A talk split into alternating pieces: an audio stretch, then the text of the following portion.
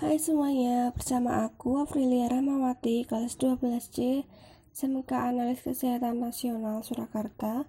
Kali ini aku akan membahas demam tipoid, atau sering dikenal dengan tipes. Apa sih demam tipoid itu? Demam tipoid adalah penyakit yang disebabkan oleh bakteri Salmonella enterica, khususnya turunannya Salmonella typhosa. Penyakit ini disebarkan melalui makanan dan minuman yang tercemar oleh tinja. Selanjutnya, aku akan membahas tentang pemeriksaan Widal yang bertujuan pertama untuk mengetahui ada atau tidaknya antibodi terhadap kuman Salmonella pada serum yang diperiksa. Yang kedua, untuk membantu mendiagnosa demam tipoid secara imunoserologi. Bagaimana prosedurnya?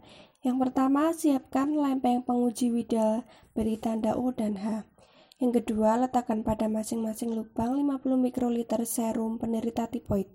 Yang ketiga, tambahkan antisera O dan H sesuai tanda.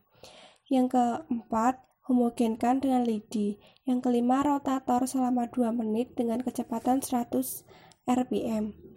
Yang terakhir adalah baca hasil apakah terjadi aglutinasi atau tidak. Positif apabila terjadi aglutinasi larutan jernih dan terdapat gumpalan. Negatif, larutan berwarna seperti reagen dan tidak ada gumpalan. Sekian, terima kasih.